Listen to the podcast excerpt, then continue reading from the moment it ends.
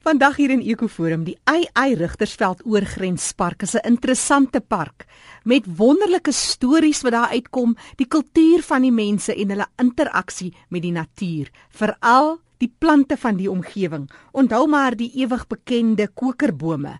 Die Rigtersveld Oorgrenspark het 'n groot aantrekkingskrag veral vir mense met viertrek voertuie wat so bietjie iets anders soek as die gewone groen in jou gesig as ek dit so kan stel. Wel want dis 'n lang grondpad daar van Alexander Bay af en dit loop al langs die Oranje rivier met sy smal stroke groenigheid wat skerp teen die omliggende woestyn se uiters dorheid afsteek. Die Eyys Rigtersveld Oorgrenspark is onder andere 'n ruwe bergwoestyn en dit's van die mees onherbergsaamste areas in Suid-Afrika.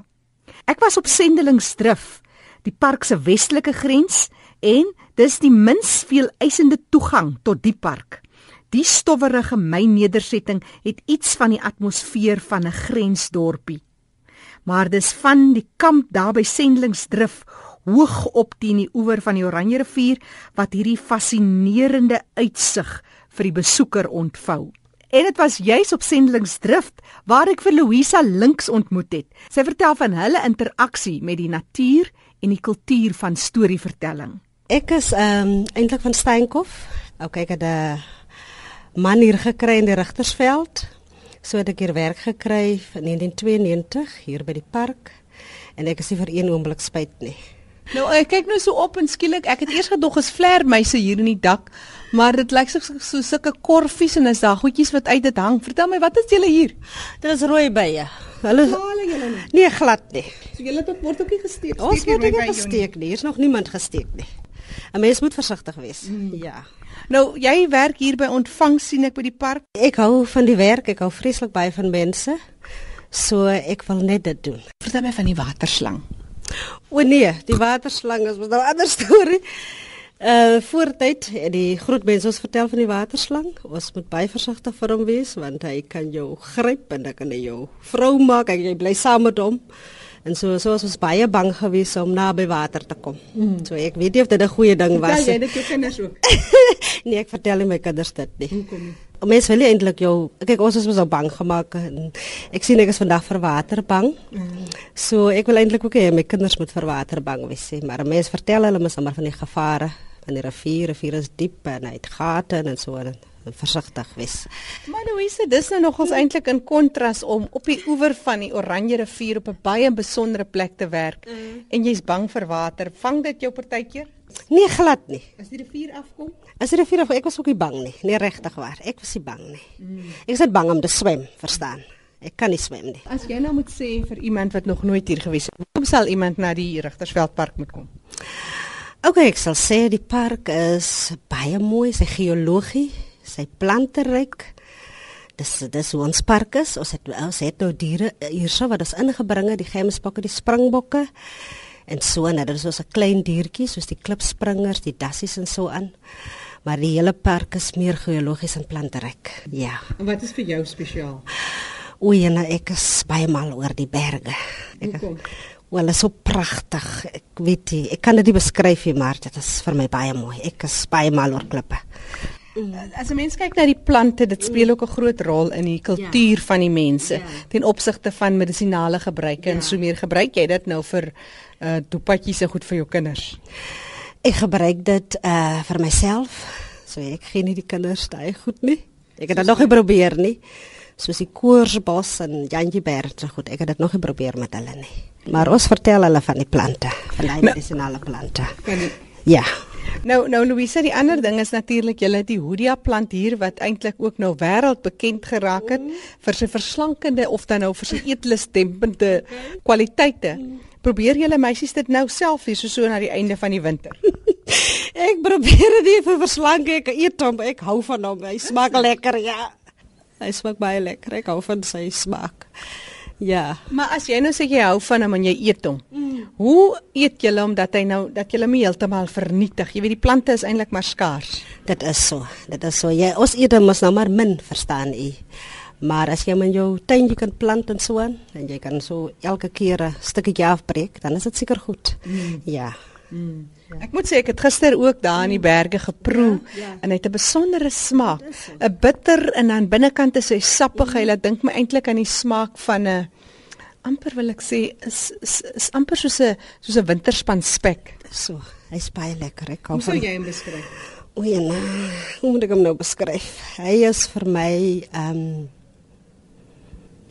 ehm um, Hy het vir my so lekker frank smaak. Mm. Ek hou van daai smaak. Mm. Regtig waar, so 'n vars smaak. Mm. Ja, hy bitter is so so effentjies bitter. Maar dis nie vir my die ergste nie. Ja. Dis 'n lekker bitter. Hy's 'n lekker bitter. en hierdie lekker aansteeklike lag is van Louisa Links. Sy is een van die ontvangsdames daar by Sendlingsdrift.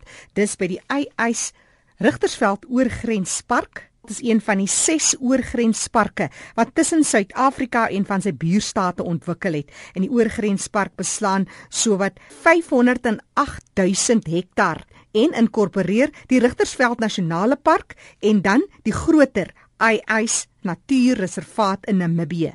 En hierdie park is nie noodwendig beroemd en bekend vir sy wilde diere nie. Inteendeel, Dis maar baie min wilde diere wat in hierdie park voorkom, maar dis 'n uniekheid van sy vetplante en die landskappe wat die park op sy eie manier gevestig het tussen die Suid-Afrikaanse nasionale parke.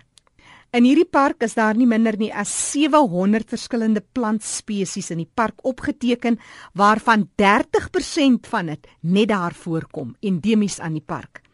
Professor Ben Erik van Wyk is van die departement plantkunde by die Universiteit van Johannesburg. En dit is juis by hom wat ek altyd gesels, want hy reis die wêreld plat hier in Suid-Afrika op soek na hierdie stories, die kultuur en hy wisselwerking van mens en die natuur en die oorlewing daarvan.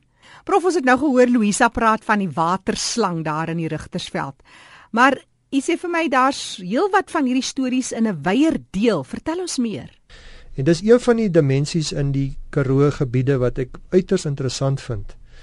Uh ek het nou al talle sulke storieetjies opgeteken van gebruike van plante vir vir bepaalde dinge. Byvoorbeeld, een van die belangrike goed wat ek ook in die Kalahari agtergekom het is, daar's plante wat gebruik word om geliefdes terug te bring. Dan word jy jy jy een of ander uh ding wat jy doen. Byvoorbeeld, uh daar's die katteklou. Dit is 'n plant wat uh, dis soos velcro. Jy kan nie glo nie, daai plant het het hakkies op die blare mm -hmm. en as jy hom nou so op, op iemand se klere plak, dan sit hy ordentlik ah. vas oh. soos soos velcro.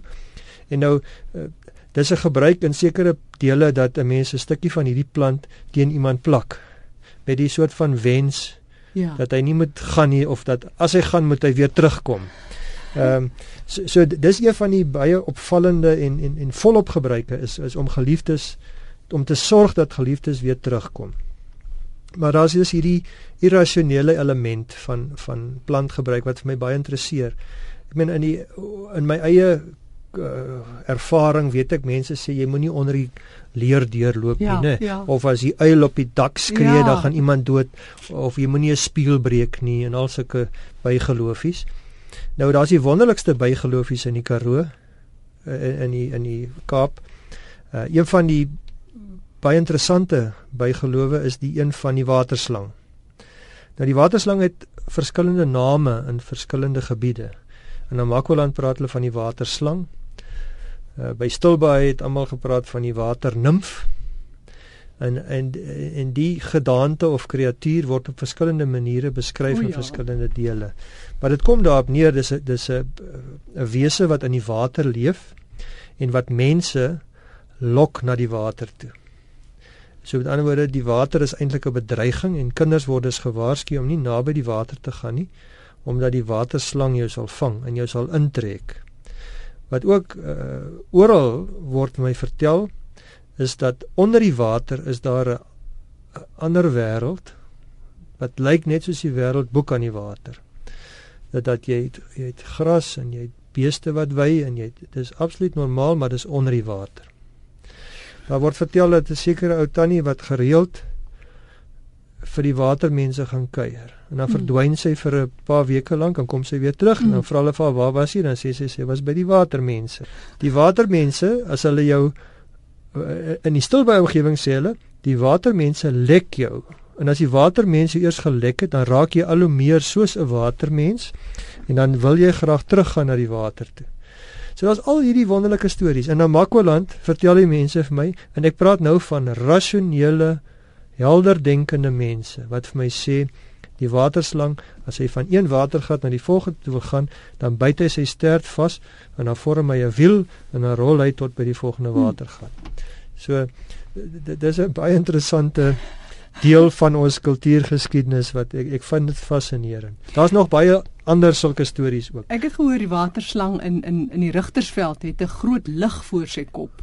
Ek is altyd ook van fascinerend hoe mense tot in die fynste detail hierdie slang of hierdie wese of wat dit ook al is kan beskryf. Dis reg. Ja, nee, ek ek vind dit eintlik baie vreemd dat dat mense wat wat so ek sê absoluut helder denkende normale mense vasglo in hierdie goed en dat hulle hulle het nie die minste twyfel dat dit waar is nie. Weet dat kinders byvoorbeeld onder die water ingetrek kan word en weke later weer kan verskyn uh en, en dat hulle vertel dat hulle onder die water was en hulle daar geslaap onder die water en so voort. Dit is ek ek vind dit fascinerend. Ehm um, hoe sal 'n mens dit as jy in in so geweste kom hoe, wat sou jy sê moet mense houding wees? Al glo jy dit nie. Ja, jy wil nie die mense hulle menswaardigheid aantas. Dis iets wat wat ek baie streng op is en dit is uh dat 'n mens moet verstaan die kultuur waarin jy werk. En uh, ek meen my ouma het genoeg storieetjies gehad wat sy vas in geglo dat ek nie absoluut skepties is nie. Ons is nie so slim as wat ons dink nie. So ek dink as 'n mens met uh mens as 'n wetenskaplike oop ook moet mense oop gemoed hê.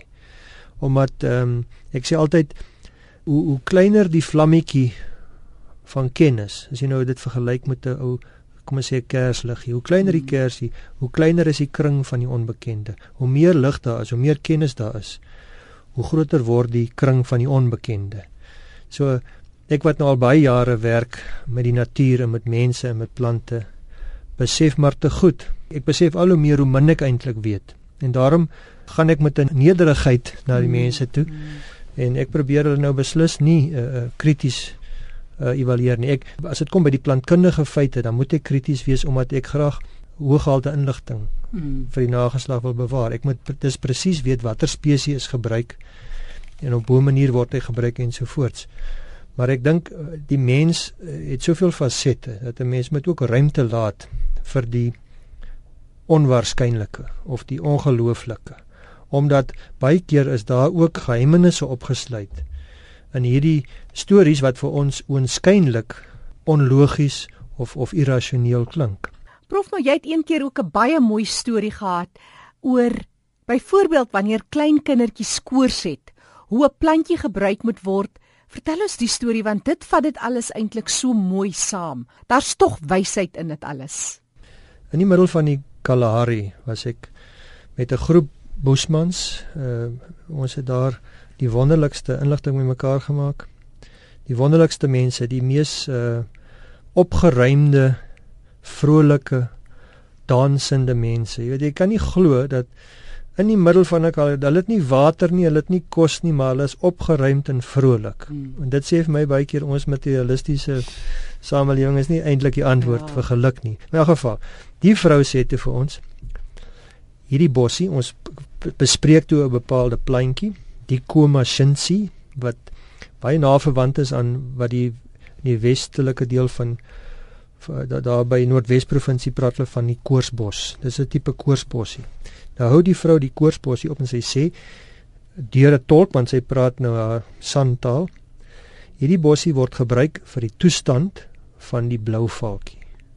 As die blou valkie oor 'n vlieg in die skaduwee val op 'n baba, dan ontwikkel die baba die toestand van die blou valkie. Die baba sal naamlik die armpies spasties en met rukkings beweeg, net soos wat die blou valkie maak as hy oor sy prooi hang. En as jy nou nie die ba baba behandel met die bossie nie, probeer hom in te gee, weet jy maak 'n tee en jy gee die baba in en jy smeer ook daarvan aan die baba se arms sodat daar nie vere op die baba se arms moet uitkom nie. Nou ja, die meeste van ons wetenskaplikes sê wat 'n absolute onsin. Kom ons gaan nou maar liewerste huis toe. Hierdie ou vrou praat nou onsin. Maar toe vra my vriend die mediese dokter het die baba koors. Ja, die baba het koors. Dit blyk toe dat ons te doen het met Afrika mitologie. Net soos wat ons die Griekse mitologie het wat soms die mees onwaarskynlike stories wat ons nie verstaan wat dit mm. dit is wonderlike stories, nê. Nee, net so die Afrika mitologie kom ek toe agter is 'n manier wat mense gebruik om baie baie belangrike inligting, krities belangrike inligting na die volgende geslag oor te dra. Nou as jy net die feite gee, dan vergeet mense die feite. Maar as jy die feite in 'n storie verweef, dan onthou mense die storie en dan word dan jy beter kans dat dit bewaar word vir die nageslag. So byvoorbeeld die Indiese tradisionele medisyne is in die vorm van gedigte en liedjies oorgedra om dit behoue te laat bly. En hier het ons dus te doen met suiwer Afrika mitologie oor hoe om uh, koors in babas te behandel. Né? Want kyk 'n babatjie maak mos sy swaai mos sy arms so as hy nou spasties as hy nou né? En ehm um, die vere van die arms is mos nou die ons praat van hoendervleis. Ja, Dit ja. lyk mos asof daar veertjies uitkom. So die hoendervleis van die koors word behandel. En die mooiste deel van die storie is naamlik dat voëls het altyd koors in die Afrika idioom want 'n want 'n voël se temperatuur is hoër as ons sin. As jy 'n hoender voel, hy voel mos warm. Hoekom? Want sy temperatuur is hier by 39 40 rond, terwyl die mense is dit 37 of 38 daar rond. Met ander woorde, 'n voël het, het voortdurend koors. So daar's baie storieetjies in Afrika wat te doen het met die toestand van die voël. Dit beteken koors. En as jy dus nie die vermoë het om hierdie mitologie te interpreteer nie, dan maak jy dit baie maklik af as onsin. Mm. En dis daardie storie het my geleer dat 'n mens moet nie te skepties wees oor 'n onwaarskynlike storie nie, omdat daar dalk elemente is wat ons maar eenvoudig nie verstaan nie. En die waterslang het heel moontlik ook elemente wat ons net nie verstaan nie en daarom is ons skepties. Die stem daarvan professor Ben Erik van Wyk, hy's van die departement plantkunde dis by die Universiteit van Johannesburg. En hy deel altyd sy interessanthede met ons en sy kennis wat hy versamel reg oor Suid-Afrika ten opsigte van daai interaksie wat die mens het met medisinale plante, met diere, die stories wat vertel word, die wisselwerking en die fyn balans tussen mens en die natuur.